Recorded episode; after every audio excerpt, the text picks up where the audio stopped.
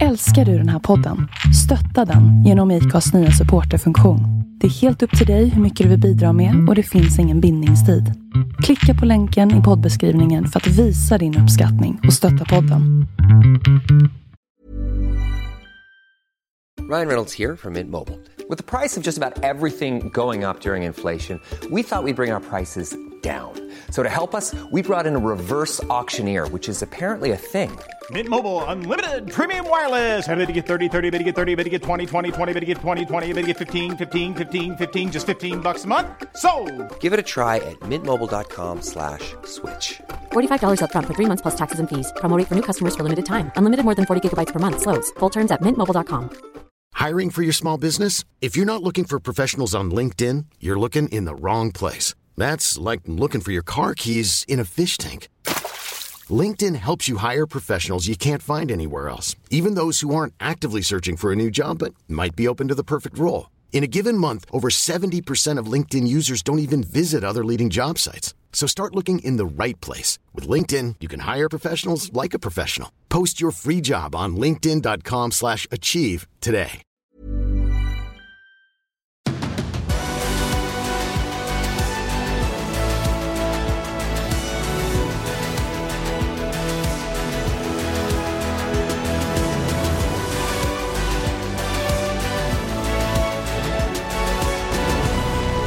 Hej och välkommen! Det är dags för en ny MotoGP-podd med eh, Tobias Lajon och Andreas Mårtensson. Hej Mårtensson! Hej Lion! Hur mår du? Men jag mår, jag mår bra, som vanligt. Hur mår du? Jag tycker också att jag mår bra. Det är... eh, Det känns att det har varit många race. Det var en raceledig helg senast, så lite luft i programmet och så uppladdning för kommande race då. Men ja, jag mår bra. Jag är frisk och känner mig hyfsat, eh, hyfsat i form. Racehelgen. Mm. Det var ett tag sedan. Eh, Jag har sett fram emot det här. Jag tyckte det var lite tomt förra helgen. Är det sant? Ja.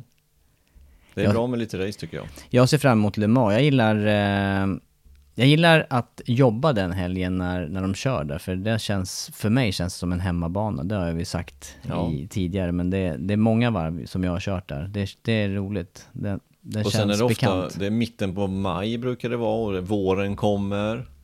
Men eh, inte nu, nu är det tvärtom istället. Nu är det Mm. hösten och vintern som kommer. Det blir spännande att se vad det kommer leda till för väder framför allt, tycker jag. Kallt och regnigt. Säkert. Ja. Det kan det faktiskt vara på våren också.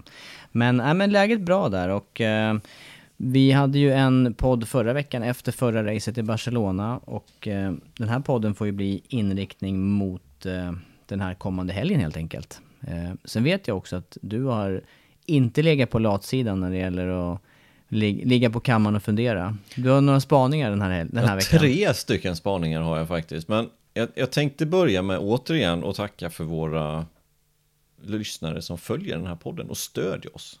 Fantastiskt. Och även på Patreon nu har det börjat att dyka upp lite patroner. Eh, Så det är jättekul. Det får Ja. ni gärna fortsätta med. Jätteroligt. Det är en ny värld som öppnar sig för mig också. Det blir lite roligt va? Ja, ja, visst är det då. Visst är det så. Det var första spaningen. En annan spaning.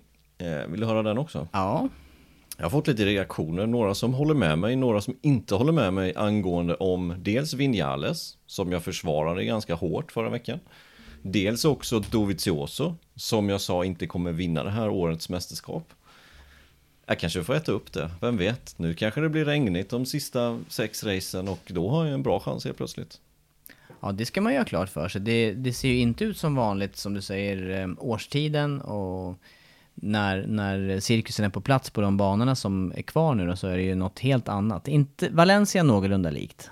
Någorlunda. Ja, det, ja och Aragon ligger Ja. lite senare egentligen Ja, också. lite. Men det är klart, blir det sex regnrace så har ju Dovi en bra chans. Men det är ju väldigt liten chans att det blir det. Ja. Men det som har varit annars eh, anmärkningsvärt i år, det är ändå hur mycket upp och ner har varit i resultaten och hur få det är som har varit konstant upp i toppen eller ens jämnare. Och nu när Dovi nollar där, då är det ju plötsligt... eh, Visst är det Nakagami som är enda Ja. före då som har poäng i alla? Och topp 10 dessutom. Ja. Han är den enda. Så han är den, jä- han är den jämnaste Ja, föraren. det är han faktiskt. Mm. Ja, men det var egentligen inte det som eh, min eh, verkliga spaning. Nu ska jag gå in på den första av tre här då. Ja, det vill jag höra. Har du sett klippet från karting-VM? Nu är det en helt annan sport här, men vi har ju kört lite kart du och jag, så Mm. det är därför jag tar det. Har du sett det där klippet från söndags? Och vet du vad roligt att du frågar? Jag ser ju extremt sällan klipp, men det här kollade jag faktiskt på. Av någon anledning. Jag vet det har inte ju hur... blivit viralt över Aftonbladet och Expressen har ju till och med tagit upp det och jag såg det ganska tidigt i söndags innan det hade blivit sådär superviralt. Ah, jag gick till och med in, lyssna på det här, det här är inte likt mig. Jag gick in och kollade på, hela det här eh, eventet låg utlagt. Ja, Så jag kollade faktiskt, jag fastnade lite i några race där och kikade. Det är rätt kul att se, det är, det är bra attack alltså i de är körningen. duktiga. Ja, ja, ja. Duktiga. mycket. Men, men det du är ute efter här, och det var ju, ja du kanske vill dra det, dra den. Luca Corberi som eh, är italienare, som har, han är 23 år gammal. Dessutom. Dessutom, det är ju ingen han, han är tonåring. inte 16 längre Nej. utan han är 23 år. Och har egentligen lagt av med kart utan körde det här racet på grund av att hans farsa äger banan. Och eh, han blir avtryckt.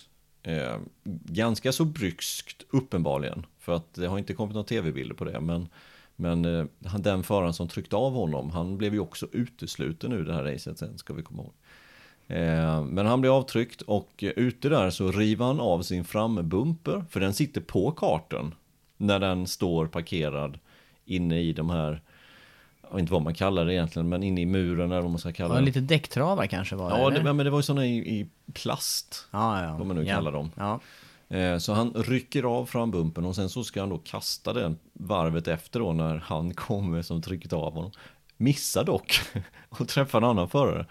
Men bara där så börjar man ju liksom, okej, vad, vad händer här egentligen? Men det slutar ju inte där, utan det slutar ju med att han, eh, han helt enkelt ger sig på den här föraren i Park Fermé sen. Eh, och brottar ner honom och sen så blir det tumult och sen så tio sekunder senare så kommer hans farsa också som äger banan springandes och plockar med sig den här lillkillen rätt in i staketet. Så det var farsan som man såg vidare på klippet Ja, där sen? ja. Ja, för jag kollade aldrig nog, jag tänkte så här, nu är det ju, jag, jag tänkte nog så att nu är det bröder och farbröder och papper och... Och sen efter det så kommer det en, en liten mer kortvuxen i grått springandes också och pinnar på och ger sig på farsan. Så att ehm, tumult kan man säga. Det, nej, men det är första spaningen att det där är inte bra. Nej. Nej, nej, verkligen inte. Jag höjde, jag, jag mer än höjde på ögonbrynen. Jag tyckte, och dessutom stod han ju helt galet i, när han skulle kasta, ja, i Ja, ja. ytterkurva i ett rätt snabbt parti. Ja. Totalt livsfarligt för sig själv. Ja, det där var ju... Han har ju haft lite tid att besinna sig. Det tar ju ändå några sekunder att åka ett varv. Ja, ja, ja. Han, han hinner Men tänka en och två och tre Inte gånger. bara det, han lunkar ju ifrån då den här, han ska egentligen stå kvar vid den posteringen under det här racet. Han lunkar iväg in i pitlane, eller in i Park Fermé, sätter sig där, för det får man ju se under själva sändningen, att han sitter i Park Fermé och väntar på att den här killen då ska åka in efter racet. Och så ger han sig på honom. Och um, anledningen till att jag drar upp den här spaningen egentligen, det är att det var många som jämförde det här med det som Romano Fenati gjorde för några säsonger sedan i Moto 2. Ja. Ehm, och då tänkte jag komma till min slutsats av att det här är mycket värre. Än det Fenati gjorde. ja, hur tänker du då? då? Nej, men det här är ju en... ha- Han är ju grymt aggressiv här. Det är överlagt och Ja. länge funderat ut och planerat. Exakt, ja. exakt. Ja. Det är inte bara i stundens hetta. Nej. Att åka upp jämte någon att, och bromsa på bromsantaget är ju, det är ju extremt fult. Men det är ju någonting två italienska polare skulle kunna göra på någon ranch också. För att det är kul. ja, det, det vi, vi, jag tror, när vi snackar, jag vet inte om vi pratar i sändning eller utanför sändning, vi kom ju fram till att det är ju inte sådär, det är ju inte helt livsfarligt. Alltså man, Nej. Man, man låser, det, det är ju inte värre än att slå ner med, med framhjulet efter en rejäl bakhjulsrepa. Då låser du ju framhjulet längre. Om du, om, du har kört, om du kör i hög fart och sätter ner den, då åker man ju längre med låst framhjul. Ja. Innan det hinner snurra ifatt. Så det är Ja. inte så här som man går om... Normalt sett går man inte omkull på det. Nej. Normalt sett inte. Normalt sett inte. Så nu försvarar vi inte vad Fenati gjorde, såklart. Det kan vi ju inte göra. Nej, men, nej. men det här var värre. Mycket värre tycker jag. Jag tycker inte man ska jämföra de två sakerna. Men det kan bli rätt allvarligt efterspel på den här grejen. Det kan det bli. Han har ju själv sagt att han ska ju sluta med det här. Han hade ju egentligen redan slutat. Så att jag vet inte egentligen varför han körde sig det här wildcardet. Och varför han hetsar upp sig sådant då? Om man redan bara... Nej men exakt, exakt. Men det kan vara det är illa för, hans, för anläggningen där och sådär. Det Om det, om det är kopplingar till att pappan har anläggningen och så vidare. Det kan det nog vara. Och speciellt då om det blir verkligen bekräftat att det var farsan. Nu säger ju alla rykten att det var honom. Så att vi får ju lita på det. Men ja, Nej, dåligt. intressant. Dåligt, dåligt beteende. Ja, väldigt eh, dåligt Är beteende. det tummen ner där eller minus? Det Är blir han på minus. Det blir dubbel minus. Och det blir inte plus. Nej, Nej. inte i det här fallet. Nej. Annars är ju två negativa ett plus. Det brukar vara så. Ja, Ja, inte i det här fallet. Nej, nej. det var första spaningen. Ja, kul. Ska jag ta en till eller? Jag gör det. Det här var ju det här var uppfriskande inledning. Ja, jag läste en, eh, en artikel, vilket jag ofta gör, eh, som Matt Oxley har skrivit. Han skrev så här att han saknar Mark Marquez. Men det gör ju vi också om jag får Det är ju så. Det är ju exakt så det är. Och det var ju det jag tänkte komma till här. Att vi saknar ju honom också. Eh, och sen så nämnde han några exempel. Och då nämnde han ett exempel och det, och det var Sachsenring 2016. När det var blött. De startade i blött och sen så blev det torrare och torrare. Och Dovi och Rossi de gjorde bort sig för de stannade ute alldeles för länge. Kom in alldeles för sent. Det vet jag att vi reagerade på. Det är ju lätt från oss, från vår synvinkel när vi sitter bredvid och reagerar. Men ja, jag fortfarande tycker att det var konstigt att de stannade ute så länge. Det var konstigt. Dock var det inte jag som kommenterade med dig då. Men jag såg det ändå live på den Ja, tiden. ja. Men, men i vilket fall så var jag tvungen att se om det här racet häromdagen. Så då gjorde jag det. Ehm, och då kom jag på att jag saknar Marcus ännu mer. För vilken jäkla körning alltså. Det var helt galet. När han går in så är det ju blött. Det kommer ju sprut ifrån däcken. Då går han in. Och um, kommer ut på banan och ehm, håller sig inom det här torrspåret medan Paul Esparger och som har samma strategi. Han tar, han tar rygg på Marcus in i depån, ut ur depån, han kastar sig i första varvet. Och Marcus går och vinner det här racet helt överlägset till slut. Och Miller var ju den som var kvar längst på banan på det här racet. Han gick ju in efter till och med Dovi och Rossi gick in. Så Och han är blev- ju ändå skicklig på den typen han av är ändå körning. skicklig ja. och han körde alltså, Marcus körde om Miller. När Miller var på regndäck och Marcus var på slicks. Ja men det är ju det som är med Marcus, det, det, det här att, eh, att ta körningen en nivå till. Utveckla eh, både framhjulsladdare eller stötta med armbåge eller vad, vad det nu handlar om. Så är det ju. Det är, det är den bästa föraren som saknas just nu. Så det är är det. det. Ja. det är det. Och jag tycker att i början så märkte man inte det så mycket för att racen var ganska bra. Men nu spelar det ingen roll om racen är bra. Jag saknar hans körning ändå. Hans eh, riktmärke. För det är det det blir. Alla får ju höja sig ett snäpp för att rå på honom. Ja. Nej, jag tycker att det är dags att han kommer tillbaka. Han kommer inte tillbaka till helgen. Han släppte dock någon, eh, någon video, vet jag inte om det var, med massa foton i alla fall. Han tränar nu och det, det ser ut att vara hyfsat okej ändå. Ryktena säger att han dock inte kommer tillbaka förrän i november. Och då innebär det Valencia, sannolikt Någon- Valencia. Ja, någon utav dem åtminstone. Ja. Vi får väl se. Eh, Jag tror inte att det är omöjligt att den kanske kör någon utav Aragon-helgerna heller. Faktiskt. Eh, Vi får se, helt enkelt. Mm. Men om man nu skulle dyka upp igen då, eller det, han dyker upp såklart, men om man nu skulle dyka upp eh, och, och eh, komma tillbaka till den eh, fart, eller finns det någonting som talar emot att han inte skulle komma tillbaka till den nivå som han var på innan? Nej, det tycker jag egentligen inte. Alltså vi pratade ju om det när det här hände, att vi trodde att det var slutet på en era på något sätt. Och det kan det nog ha varit, åtminstone blir ju hans svit bruten. Han, han, jag läste faktiskt intressant statistik idag, att utav de 22 förarna som är permanenta i MotoGP, så har 21 förare tagit poäng. En förare har inte gjort det. Mark Marquez. Det var en sån här liten ögonöppnare, även fast vi vet att han skadade sig i första racet. Så Ja. var det ändå sådär, just det. Ehm, men det tror jag faktiskt att han kommer att göra. Jag, jag kanske inte hade trott det om det var någon annan. Nej, och sen när man tittar på, jag, jag tänker också på det här med röntgenbilder och med vad de har, hur de har lagat ihop det här. Då var jag mer till exempel skeptisk till, eh, till Crutchlow när han mosade sin fot senast. Eller den typen av skador där det blir... Det, det här känns ju... Ja, komplikationer efteråt. också. Ja. Mm. Eller om det här nu skulle möjligtvis då visa sig vara nerver eller sådana här saker som, som spökar. Annars är ju, annars så borde han ju rimligtvis komma tillbaka till den Jag kapacitet tror det. sen innan. Jag, jag som tror innan. det. Men sen, vi, vi pratade om det inför säsongen också, att Honda låg lite rynkigt till. Skrynkligt till, Ja, det är bättre. bättre. Ja, Eh, just för att eh, för att köra så på gränsen så måste han ha den där sista lilla känslan. ja. Och årets Honda verkar inte riktigt ge den feedbacken som han vill ha. Och därför har han inte den där lilla känslan för framdäcket. Men å andra sidan så har vi inte sett han köra speciellt mycket heller. Vi har bara sett han göra den där uppkörningen han gjorde och sen den här kraschen. Och ehm, jag tror ändå att han kommer att komma tillbaka i, i vass form. Riktigt vass form. Då var det. han ju riktigt, han körde ju det racet fantastiskt. Ja. Fram till vurpan. Och det, det sa han ju efteråt att det var ju inte egentligen för att han pushade max på något vis utan Kanske tvärtom. kanske tvärtom ja. Ja. Så ehm, ja, nej, jag tror ändå att han kommer komma tillbaka till gammal god form ganska omgående. Även fast de andra har fått nu en säsong i, i ryggen liksom. Och han har stått vid sidlinjen nu i tre månader någonting. Så, så tror jag ändå att en förare i hans kaliber kommer komma upp i fart väldigt snabbt. Hoppas, håller tummarna för att Ja. det blir så. Och då, då är det ju läge också att sätta igång nästa år redan de sista racen det här året. Det är ju det det handlar om lite, att han vill vara förberedd och eh, Honda vill vara förberedda till nästkommande säsong.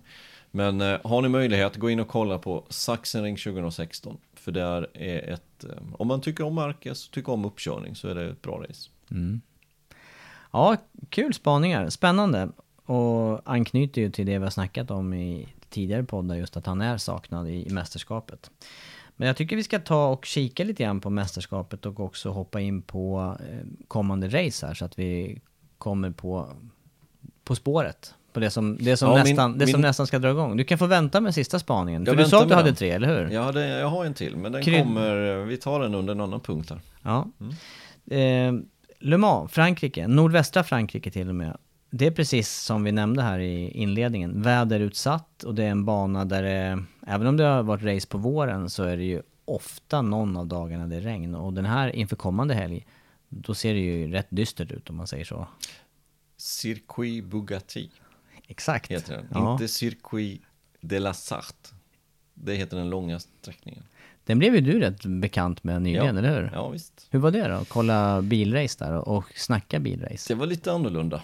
Eh, sista sektionen där, Porsche-kurvorna och sen var det ju, det är ju nästan fyra kur- kurvkombinationer känns det som innan man kommer ut på start och mål igen. Det är lite annorlunda. Mm.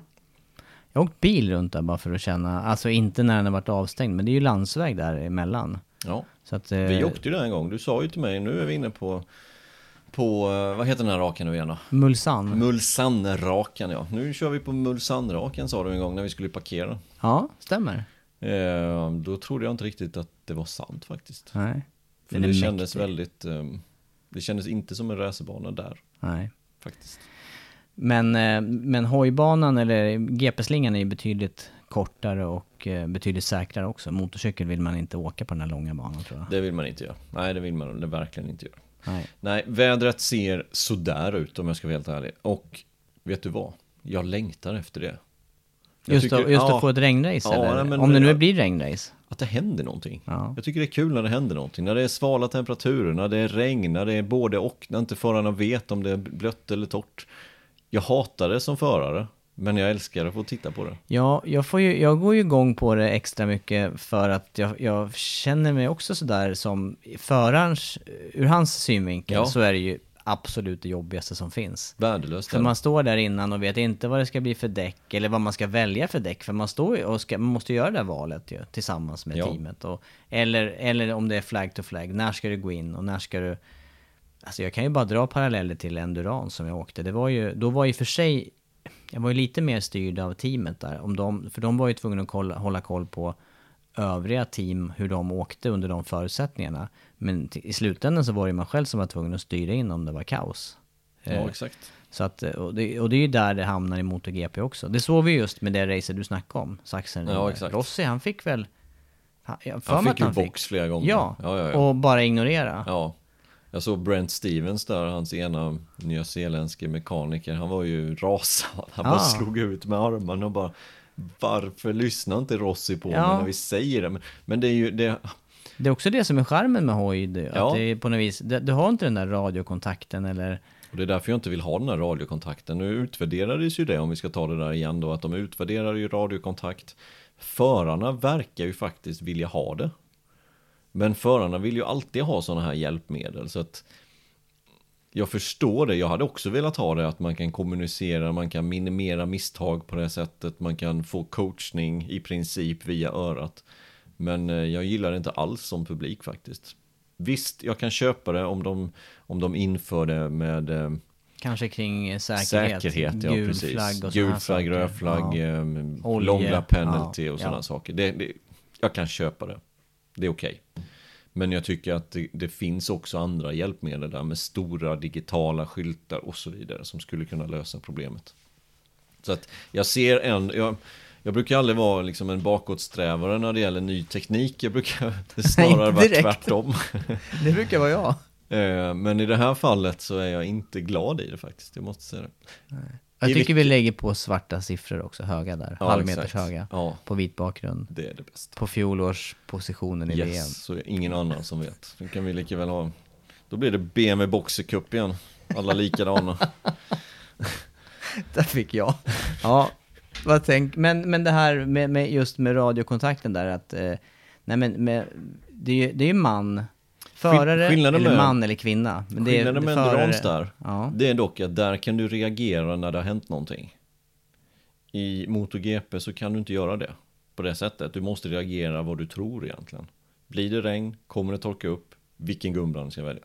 I endurance är det mer, fasen nu regnar det, nu får jag gå in nästa varv. Ja, jo, det är en skillnad. Det är lite stor, ja, li, liten skillnad Ja, det däremellan. är det. Jo, det är det. Eh, men ehm, Ja men jag tycker det är intressant. Och, och Jag tycker det är intressant det här väder, väderfenomenen som kommer komma här nu. Dels att det kan bli väldigt kallt, säg att det blir torrt. Det kommer bli väldigt kallt.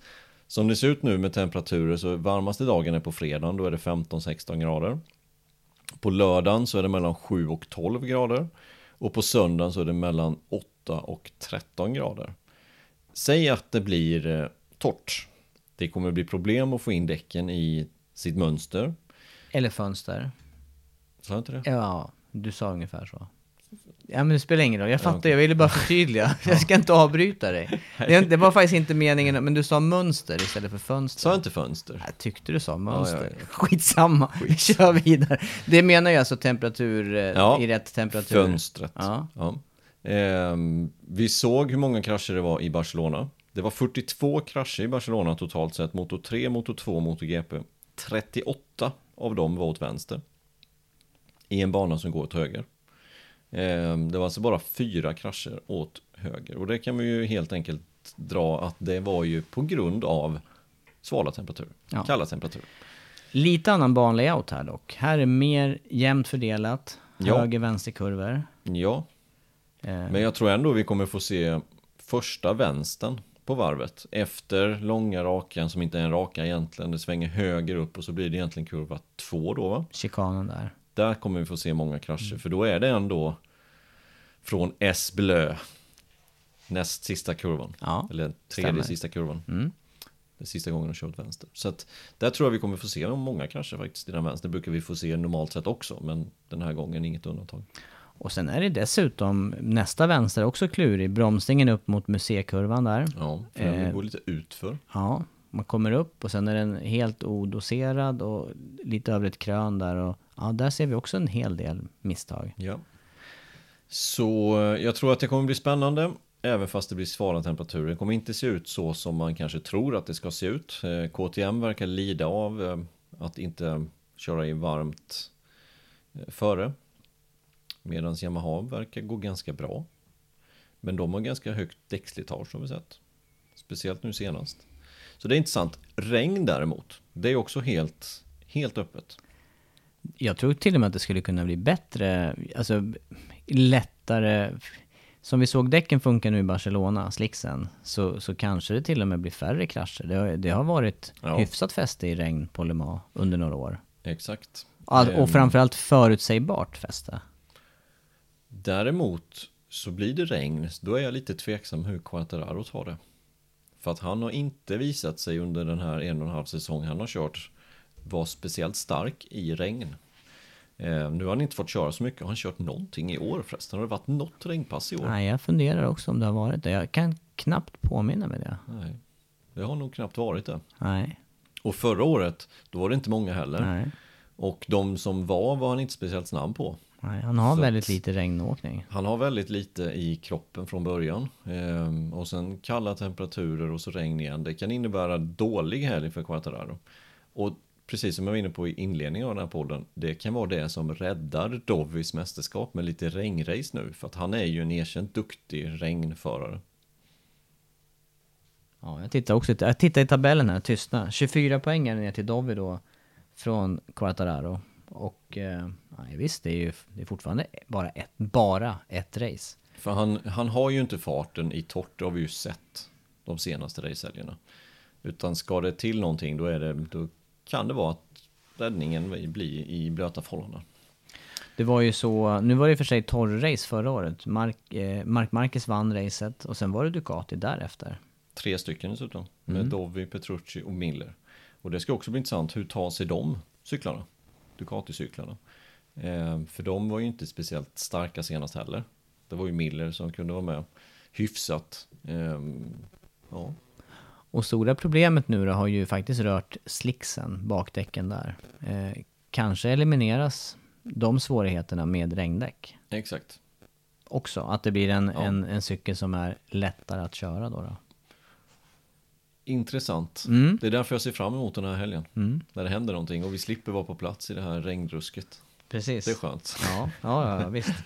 Men, eh, men banan i sig då, det, tittar man tillbaka statistikmässigt då, Marcus vann förra året, även året dessförinnan, men sen är det annars väldigt stark Yamaha-bana har det ju varit där. Du nämnde Yamaha ett tag här från, som också var väldigt starka i Barcelona nu då. Ja, de hade ju ett riktigt bra race. Där var det 2017 var det väl. När Vinales och Rossi slog som segern. Rossi gick omkull sista varvet till slut. Vinales vann. Ehm, men där var de ju väldigt, väldigt starka. Vi får väl se om de kan upprepa det. Det finns egentligen ingenting som talar emot det. För de har ju sett väldigt, väldigt bra ut den här säsongen. Och den här raksträckan, visst den är hyfsat lång men å andra sidan Ja, kanske lite större problem dock då ut ur, för den går långsammare ut ur sista svängen. Och upp start och målrakan där ja. Ja, och sen även bakraken där ute i där, kurva 8, eh, också står nästan still i utgången. Så att de kan ju bli ett lätt byte där också kanske då. Men jag tror ändå, över ett varv så borde de kunna sätta ihop varvtiden. Men återigen det där med kvala, det är ju superviktigt för alla Yamaha-förare. Ja, och klurig inledning på varvet med den här äh, vänster, höger. Eller förlåt, höger, vänster, höger blir det ju kan man säga då. Men Ja. det första svängpartiet där som det kan bli trångt. Men, men totalt sett på varvet en hel del omkörningstillfällen ändå. Om man, om man får ihop en utgång eller får ihop en bra kurva så har du ju ofta bra attack i, i många sektioner där. Ja. Så att spännande av den anledningen också. Och som inte det vore nog, så har vi lite lök på laxen. Har du en spaning till här nu Nej, eller? ingen spaning till. Nej, berätta. Den kommer sen. Ja. Eh. This is Paige, the co-host of Giggly Squad, and I want to tell you about a company that I've been loving, Olive and June. Olive and June gives you everything that you need for a salon quality manicure in one box. And if you break it down, it really comes out to $2 a manicure, which is absolutely insane. It's also so easy to get salon worthy nails at home with Olive and June. The difference between how your nails used to look when you did them yourself and now with the Manny system is a complete game changer. The best thing about Olive and June too is it's a quick dry. Dries in about one minute, lasts for five days, and full coverage in up to one to two coats. Visit oliveandjune.com slash perfectmanny20 for 20% off your first system. That's oliveandjune.com slash perfectmanny20 for 20% off your first system. Hi, I'm Daniel, founder of Pretty Litter. Cats and cat owners deserve better than any old fashioned litter. That's why I teamed up with scientists and veterinarians to create Pretty Litter. Its innovative crystal formula has superior odor control and weighs up to 80% less than clay litter. Pretty Litter even monitors health by changing colors to help detect early signs of potential illness. It's the world's smartest kitty litter. Go to prettylitter.com and use code ACAST for 20% off your first order and a free cat toy. Terms and conditions apply. See site for details. Hold up. What was that? Boring. No flavor. That was as bad as those leftovers you ate all week. Kiki Palmer here, and it's time to say hello to something fresh and guilt-free. Hello Fresh. Jazz up dinner with pecan-crusted chicken or garlic butter shrimp scampi. Now that's music to my mouth. Hello Fresh. Let's get this dinner party started. Discover all the delicious possibilities at hellofresh.com. Eh, nej men idag fick vi faktiskt ett mail av eh, Dorna igen att de hade gjort fel i deras eh, motorlista som de skickar ut. Den skickar de alltid ut på söndag förmiddag. Innan warm-upen brukar de skicka ut den. Eh, och den visar då hur förarna och vilka motorer som används för ja, respektive förare. Och som vi kommer ihåg så var det ju under FP4 så hade ju Quattararo något konstigt fel med sin motor. Kommer du ihåg det? Nu senast i Barcelona här. Den lät ju lite konstigt. Han Ja, körde in i det. depån och så fick han ta nästa cykel. Och vi spekulerade lite vad det här kunde vara för någonting. För de har problem med motorerna Yamaha. Ehm, det såg inte så bra ut just då. Ryktet efteråt sa att det var ett avgassystem som var trasigt. Det vill säga att då är det ingen fara på taket. Utan då är det bara att byta det där och det är ganska lätt att byta. Ehm, och vi tittade även på Engine-listan då. Motorlistan på söndagen, då såg vi inget konstigt. Däremot idag så kom det en rättelse och det gäller just Quartararo. Och han tog alltså sin femte motor, femte och sista motor tog han i bruk eh, under FP3. Det vill säga innan det här problemet. Innan det här problemet. Eh, så frågan är, den här motorn, det är inte alls säkert att det var något problem. Det kan ha varit ett avgassystem som de kanske inte har monterat det ordentligt. Det kanske var nya motorn det hände på. Eh, vem vet? Det vet vi inte. För de har inte tagit någon annan motor ur bruk så att säga. Så att vi vet inte det. I vilket fall så, det jag vill säga med det här är att han har tagit sin femte motor i bruk. Han har fortfarande de här två motorerna från första Jerez-helgen kvar. De har han inte använt sen, de, sen den helgen. Är de hela? Är de inte hela? Det vet vi inte. Med största sannolikhet så är de hela, men de har varit i Japan, undersökt och han har fått tillbaka dem. Den ena motorn där har alltså gått två träningar och den andra har gått då ja, tre träningar eller fem träningar och ett race. Frågan är om man får tillbaka dem och vilket skick de är i, det vet vi inte. Men i vilket fall som helst, fem motorer tagna. Och eh, nu har vi varit tysta om det här några racehelger och det har... Ja, det är ju för att det inte händer så mycket just nu. Men det kan fortfarande bli problem ju längre säsongen går. Och detta är ju någonting som verkligen kan ställa till det för den eller de Yamaha-förarna som behöver ta en extra motor. För det innebär alltså start från pit lane fem sekunder efter att fältet har passerat. Ja, jag sitter och bläddrar här under tiden och kikar då på... Det är ju strax över hälften av racen körda här. Och som du säger då, alla motorer är igång och... Eh, eh fel på flera Yamaha-motorer som... Ja, och samtidigt är det det här reglementet där man då inte får ändra någonting i motorerna. Så att det är klart att det är varningsklockor. Det där är ju någonting som kan vara mästerskapsavgörande i slutändan. I slutändan är ju det. Eh, om det då visar sig att de måste ta en, en till motor. Det kommer ju innebära problem för dem också. Får de inte tillbaka de här två motorerna från första Spanien-racet, då har de alltså tre motorer de rullar runt på nu. Och då kan man ju också se en tendens här. Att den motorn som han körde racet andra Jerez-helgen på, när det var som absolut varmast, den motorn, den gick racet i Tjeckien. Sen har den inte gått något mer race. Utan sen så har han använt då den fjärde motorn och kört de andra. En, två, tre, fyra. Ja, fyra race är det på. Och så har han tagit då en ny motor och kört första racehelgen. Så att får han inte tillbaka de här två, vilket gäller alla förarna egentligen, Yamaha-förarna. Då ligger de skrynkligt till. Mm. Och då är det, då är det Aragon som kommer sen, dubbelrace. Där det, om man nu tänker bara rent effektmässigt och ha fräscha motorer. Att man skulle kunna vara... Där, där behöver ju Yamaha all effekt de kan få. Sen är det ju, det här, Le Mans är inte riktig effektbana. Där är mer det här om, om det uppstår problem. Och, och Ja. inte heller Valencia är ju inte fullt ut sån effektbana.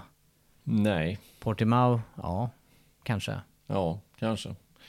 Vi får se helt enkelt. Ehm, men ehm, Men, men eh, i slutändan kan vara mästerskapsavgörande det här med att motorerna då får, eh, tas ur bruk eller inte funkar längre. Ja, visst. visst Det man- tillsammans med coronaläget måste vi också säga. Ja, exakt. Som, Som kan ställa till det för som, Yamaha-förare. som kan ställa till det ordentligt för vem som helst. Corona kan ju ställa till det för vem som helst, men just motorerna är ju, det är ju Yamaha som ligger mest risigt till. Men där har man ju två grejer utanför på något vis eh, egen kontroll eller till viss del egen kontroll då. Ja. Ja. Eh, någon som sjunker, eller någon som går utanför radarn här, det är ju, eller under radarn, det är ju Johan Mir och Suzuki. Som vi inte nämner här alls. Vi sa nu att Yamaha skulle kunna vara starka på den här banan. Det, det måste ju även gälla Suzuki i dagsläget. Absolut. Ehm, Det tror jag absolut de kan vara. Och Eller båda Suzuki-förarna. Jag tror att Mir kan vara gans- ganska bra i regn också. Ehm, Rins också för den delen. Så att de kommer absolut kunna vara med högt uppe i listan, det tror jag. Ehm, ja, inte så mycket att tillägga egentligen på Mir. Han är alltid där, men sen behöver han också ha det där sista lilla och behöver kvala lite, lite bättre. Ja, vi såg ju en liten förbättring här Ja, senast i Barcelona. Trea. Tredje startled. Ja. Kanske då. En... ehm, Ja. en ehm, eller, eller kanske, med ett bättre kval. Och det gäller ju, det gäller i allra högsta grad Rins, som han ska vara med hela vägen. Absolut.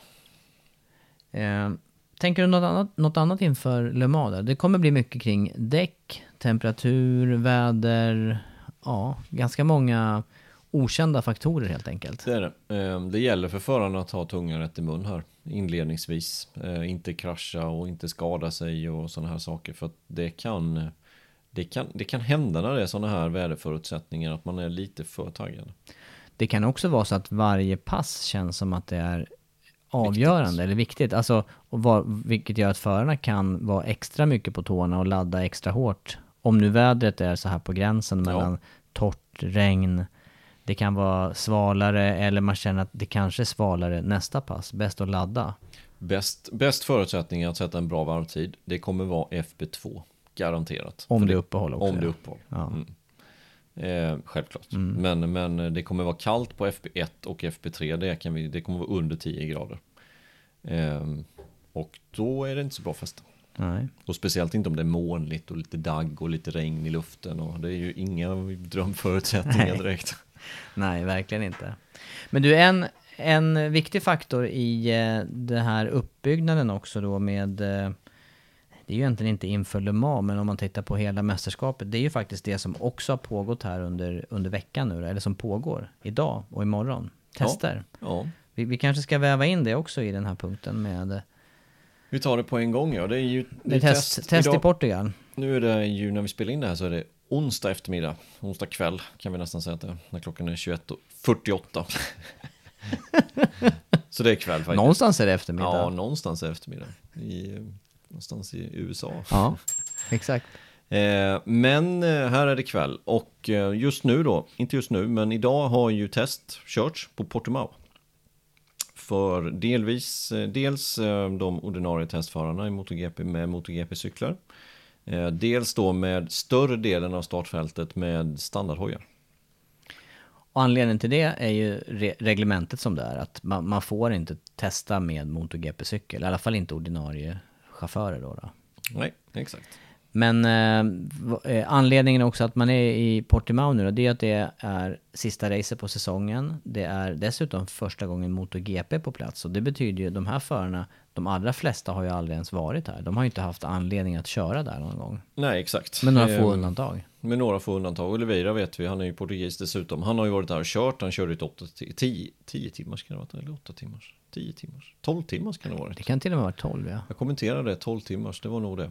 Ehm, och då körde han, kraschade typ tre gånger gjorde han. Men i vilket fall, eh, han har ju erfarenhet av banan åtminstone. Men eh, jag vet inte om det är någon mer som har det faktiskt. Det kanske är någon som har varit där och kört någonting. Men ehm, viktigt för förarna. Mm. Och då testförarnas uppgift här nu, det är ju mer att ge en bra bas för inledningen till den helgen. För Mm. de, kan ju inte, de testar ju inga grejer där. Nu kommer vi till min nästa spaning. Ja, ja kläm in den. Nu kommer vi till min tredje och sista spaning. Ja. Jag, återigen någonting som jag har läst. Eh, fick en fråga också på Twitter om det, vad jag tyckte om det här och nu ska jag dra det. Och eh, det handlar om Simon Patterson. Han skriver ju för The Race nu för tiden. Han jobbade för eh, Petronas. Petronas förra året, halvåret. Innan dess så var han ju på Motorcycle News. Han känner vi ju. Mm. Och eh, han har skrivit en artikel idag där han eh, undrar lite om Yamahas teststrategi, om det verkligen är rätt. Det han drar upp där, det är dels det här med Misano, att de inte var på plats och körde där. Dels då att de kör med en 19-hoj nu för Lorenzo, det här testet. Ehm, och han är inne lite på varför gör de det? Varför brukar de inte lite allvar med Lorenzo när de har honom? Ehm, ja, lite sådana här saker som han är inne på. Och då, tycker jag att han drar alldeles för stora växlar av det här. För man ska komma ihåg att Lorenzo har inte kört på Portimao. Om han kör på en 19-hoj eller om han kör på en 20-hoj. Det är skitsamma. Och han har dessutom inte kört så mycket Yamaha på slutet. Han har kört två dagar med Yamaha. Om han sitter på en 20-hoj och så ska han då utvärdera någonting som de ordinarie förarna ska ha nytta av på en ny bana där de inte har drevning, där de inte vet vilken däck de ska ha, där de inte har någon elektronik färdig, inställningar pratar vi. Hur ska han då kunna testa fram någonting special? Det går inte. Så därför förstår jag mycket väl deras beslut att ha en 19-hoj, inte ta resurser ifrån fabriksteamet eller Petronas, för de kör ju med 20-hojar. För vi ska komma ihåg det att det var ju på gränsen att Yamaha kunde leverera tre stycken eller sex stycken hojar eller hojar till tre förare. Nu när Quattararo också har fabriksmaterial. Och att de då ska leverera ytterligare till testteamet som Lorenzo ska ha på en ny bana för Lorenzo. Det finns ingen mening. Kommer inte kunna utläsa någonting utav det. Nej, det spelar ingen roll. Det är Nej. bättre att han, han kör på samma hoj som han körde de här två dagarna på i, i Malaysia. Välbeprövat, det finns säkert mängder av reservdelar till den cykeln.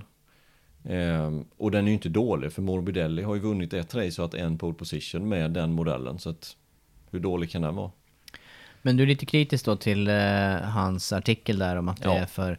eh, Där han då menar att man borde använda det senaste helt enkelt. Ja, Ja. jag tycker den artikeln, jag tycker han drar för stora växlar egentligen. Det är egentligen att han kritiserar Yamaha. Jag tycker inte man ska dra de växlarna. För vi ska komma ihåg som sagt, det är helt ny bana. Visst, de vet, de har mycket information från Superbike VM eh, och Yamaha-förarna där.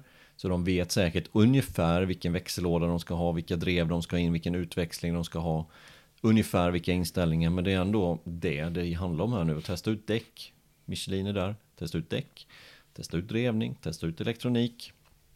Och sen om det är någon liten pryl som han ska testa. Han kommer inte kunna utvärdera det ändå. Just nu. Så, så huvudsyftet med testet här, allt för att komma till rätta eller komma så snabbt som möjligt in i den racehelgen och hamna rätt. Ja. Eller så, så nära rätt det går. Ja. Ja, men det kan jag köpa det. Jag, kommer inte säga emot dig när det gäller det där. För att eh, det, det, det är som du säger, det, det finns för lite... Han har ju inte erfarenheten eller ens vanan just nu, Lorenzo, att vara på den gränsen. Och det såg vi också på tiderna och placeringen. Han var ju aningen långsammare än de andra faktiskt. Ja, och sen finns det säkert anledning till att han var så långsam idag då, men, men i vilket fall eh, som helst så ska vi komma ihåg att senast han körde Yamaha, det var 2017 och sen dess har han alltså två dagar i kroppen från Malaysia. Ja, Det går inte. det går inte. Nej. Det vet du själv om du kommer till en ny bana och du ska, tänk om du skulle få på en, nej men nu ska du testa en ny sving här eller du ska testa en, eh, ny gaffel eller, alltså, Man har ju ingen aning då. du har ingen aning. Nej. Du måste ju upp i fart till att börja med och då är det bättre att göra det på det du har kört med innan och, och kan utveckla det som de verkligen är där för. Ja. Vilket är de sakerna som jag redan har nämnt. Men eh, något annat då som går att utläsa från Portimao, eller vi, eh, eller vi. Jag tycker det ska bli spännande att se en ny bana på kalendern och sen, den ser ju väldigt spännande ut, eh, bansträckningen med höjdskillnaderna och de här kurvorna då, inte minst sista långa kurvan ser jag fram emot. Ja. Nej, vi, vi kan inte läsa någonting av det här testet som har varit. De kör alltså på lite, någon kör på någon R1, någon annan kör på någon Ducati. Eh, Rins körde med lysen på, såg det ut som i alla fall på hans Suzuki. Så att, nej, det går inte att läsa ut någonting överhuvudtaget. Eh, tillbaka lite bara till Lorenzo där, att han, eh, han var inne lite på det där också med Misano och Jag har för mig att det var lite det här att man har hela testverksamheten, man har förlagt mer i Japan. Också Ja. resurskrävande och, och dra dit hela testgänget. Och sen med coronaläget och allting då, att man vägde in sådana saker. Jag tror, jag tror precis det också, men vi har inte fått någon 100% varför är det så. Men jag tror också man, lä- man, man har vägt in hur läget är helt enkelt. Covid-läget, Lorenzos hastighet, hans fart i kroppen, vad kan han bidra med? Vilka resurser måste vi ha? Kan vi flyga över ingenjörer? Har vi material för att testa mer när vi redan har tre förare? Varav, kanske- varav två åker var och varannan dag där, i och för sig på annat material. Ja. Men, men de har ju grym barnkännedom där. Exakt. Vilket skulle visa sig också. Vilket skulle visa sig, så det gick inte så dåligt för Yamaha där heller. De har nog vägt in de här. Så jag, återigen den här artikeln. Papperskorgen. Ja, kul. Det är bra. Eh, då har vi alltså behandlat eh, spaningar. Du har ju spanat på ordentligt här i veckan. Har du haft gott om tid eller? Jag har ju inte det. Jag har ju inte det. Men jag har snappat upp vissa saker och eh, ja, det blir lite bra. för mycket åsikter kanske. Nej, det är kul. Eh, och sen inför Le Mans, test Portimao, mästerskapet, eh, Quartararos motorer här. Eh, vi nämnde eh, också, du var ju... en av spaningarna, rörde ju Marcus här då och eh, eh, ja, det går inte att säga så mycket annat än att saknad efter, efter det här riktmärket som han faktiskt är när det gäller körning och, och fart på banan. Men det gör ju också att vi har haft ett väldigt, väldigt jämnt mästerskap och jag vet inte, jag tycker ännu ingen har tagit upp stafettpinnen ordentligt och, och kopplat något grepp om det här. Jag, det här. Det här mästerskapet känns som att det kan leva en och vara jämnt. Ja, nej, men nu, nu är det ju Så vi säger att det är andra chansen nu då för Quattararo att verkligen skaffa sig det här lilla övertaget. Han hade chansen första Misano-racet. Där hade han verkligen chansen att kunna få en 15-20 poäng när han kraschade. Eh, nu har han chansen igen att kunna rycka lite. Eh, han är ju egentligen den som har haft den möjligheten i år. Någon annan har inte haft den möjligheten. Eh, och då är frågan, tar han det då? Eh, och jag tror inte han tar det om det blir regn. Nej, och, ändå är det en väldigt viktig helg. Så för honom, om man tänker de två nästkommande racen sen i tuffa. Spanien, där blir det tuffare för Yamaha, Ja. kan jag nästan garantera. Ja, det kan jag också garantera. Aragon där med sin långa raksträcka och där kommer det bli tuffare för Yamaha. Definitivt. Så, Så att, Det här är ett läge att- att ta så mycket poäng det går för Quartararo, för Yamaha-förarna. Det Hem- gäller ju även Vinales. hemmaplan ska vi komma ihåg. Frågan är om det sätter några hjärnspöken. Mm. Kommer alltså hem till Frankrike med en mästerskapsledning i MotoGP, 21 år gammal. Kanske en av favoriterna för att vinna på söndag. Hur tar, hur tar han det? Ja, tänker man så, då skulle ju istället kanske Vinales eller Morbidelli kunna kliva fram. Eller varför inte Rossi om det blir regn också? Verkligen. Om vi tar, Rossi. om vi tar Ja, Yamaha-förarna. verkligen. Jag tror att alla fyra Yamaha-förare kommer bli vassa, det tror jag. Eh, Men jag tror att Ducati kommer ha en bättre helg och Suzuki vet vi fortfarande aldrig vad vi har dem riktigt. Nej. Ska vi tippa eller? Ja, vi gör det. Du får börja idag, Ja. för jag måste fundera lite. Ja. Och det här är ju igen då Vi vet så inte ens vad det blir för... Nej, precis. Vi vet inte vad det blir för väder. Nej. Det gör det faktiskt svårare i det här fallet. Så då kanske det är läge, då kommer jag och ta Mir etta. För jag tror att han kan vara vass både när det gäller, han blir lite så här mellantippning här på första. Alltså torr eller blött. Kan vara med där på båda. Eh, Jag säger att Quartararo ändå är med och slåss på pallen här. Och jag säger även... eh, Nej, men det, det går ju inte att gissa detta. Det Miri. Quartararo, det är ju ettan och tvåan i VM. Det här är ju inte så, sticker inte ut hakan så mycket. Eh, då ska vi chansa på någon regnrace här och då är det i sådana fall, då ska jag ta min lilla dark horse här. Då ska jag säga Dovizioso på pallen där. Ja, och Ja. då har du inte nämnt Miller. Nej, Då har vi inte nämnt inte Rossi. Rossi. Morbidelli. Nej. Vinales. Nej. Rins. Jag vet inte hur nöjd jag blev med det här egentligen. Nej, men alltså jag, jag kan inte heller tippa, ärligt talat. Ehm, nej, vet du, vet du vad jag gör? Jag kör en... ehm, Jag kör en eh, regnpall här nu. ja, gör det. Jag gissar på att det blir regn nämligen. Och då gissar jag på eh, gammal äldst, Rossi. Mm. Dovi, tvåa. Och ehm, Vinales 3. Mm, jag trodde nästan du skulle säga Petrucci där. Petrucci Miller, men du säger det. Nej, det går... Inför helgen, Jag ska alltså inte- vi kan ju på något sätt enas om topp 5 efter FP4 någonstans där. Ja, ja, ja. ja. Men nu, onsdagen innan racet, alltså vi kan, jag kan ju dra sju, åtta namn som kan vinna. Det är faktiskt så. Det är det som gör det, är det, som gör det väldigt, väldigt, väldigt spännande. Det är inte Hamilton eller Bottas. Nej, I det här det är läget. inte det. Det är bredare än så. Och eh, ja, då har vi ju egentligen bara ett namn lika här inför helgen. Det är Dovi, tre eller tvåa. Det är att jag, personligen hoppas jag ju lite på honom. Jag hoppas att han ska ha en, en fortsatt bra fortsatt, en fortsatt bra säsong. Ja. Eh, ja, Let's see. let's see. V-sport 1 är det som gäller i helgen. Det är Formel 1 från Nürburgring. De går i V-sport motor. Kan de också bli regn. Eifelbergen. Ja, ja. Ja, ja, Eifelberg. Det kan ju vara 8 grader och regn hela Mm, helgen. Mm. Men eh, de kan ju inte få framhjulssläpp. Nej, inte på samma sätt. Nej. Inte lika kritiskt. Inte lika kritiskt. Nej. Eh, V-sport 1 är det som gäller. Det är lite andra racetider ska vi komma ihåg. Och det får ni som lyssnar komma ihåg också. Söndag så är det MotoGP-start klockan 13.00. Och ordningen kommer vara Moto 3, MotoGP, Moto 2.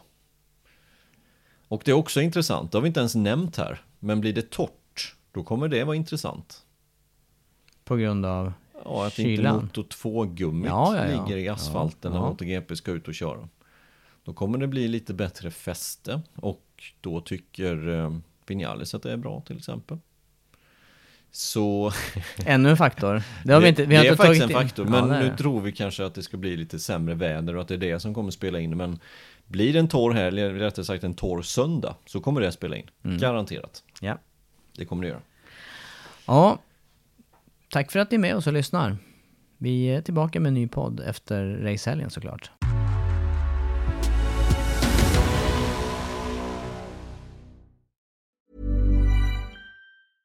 Selling a little or a lot? Shopify helps you do your thing however you cha-ching. Shopify is the global commerce platform that helps you sell at every stage of your business. From the launch your online shop stage to the first real life store stage, all the way to the did we just hit a million orders stage. Shopify is there to help you grow. Shopify helps you turn browsers into buyers with the internet's best converting checkout. 36% better on average compared to other leading commerce platforms because businesses that grow grow with Shopify. Get a $1 per month trial period at shopify.com/work. slash work. shopify.com/work. slash work.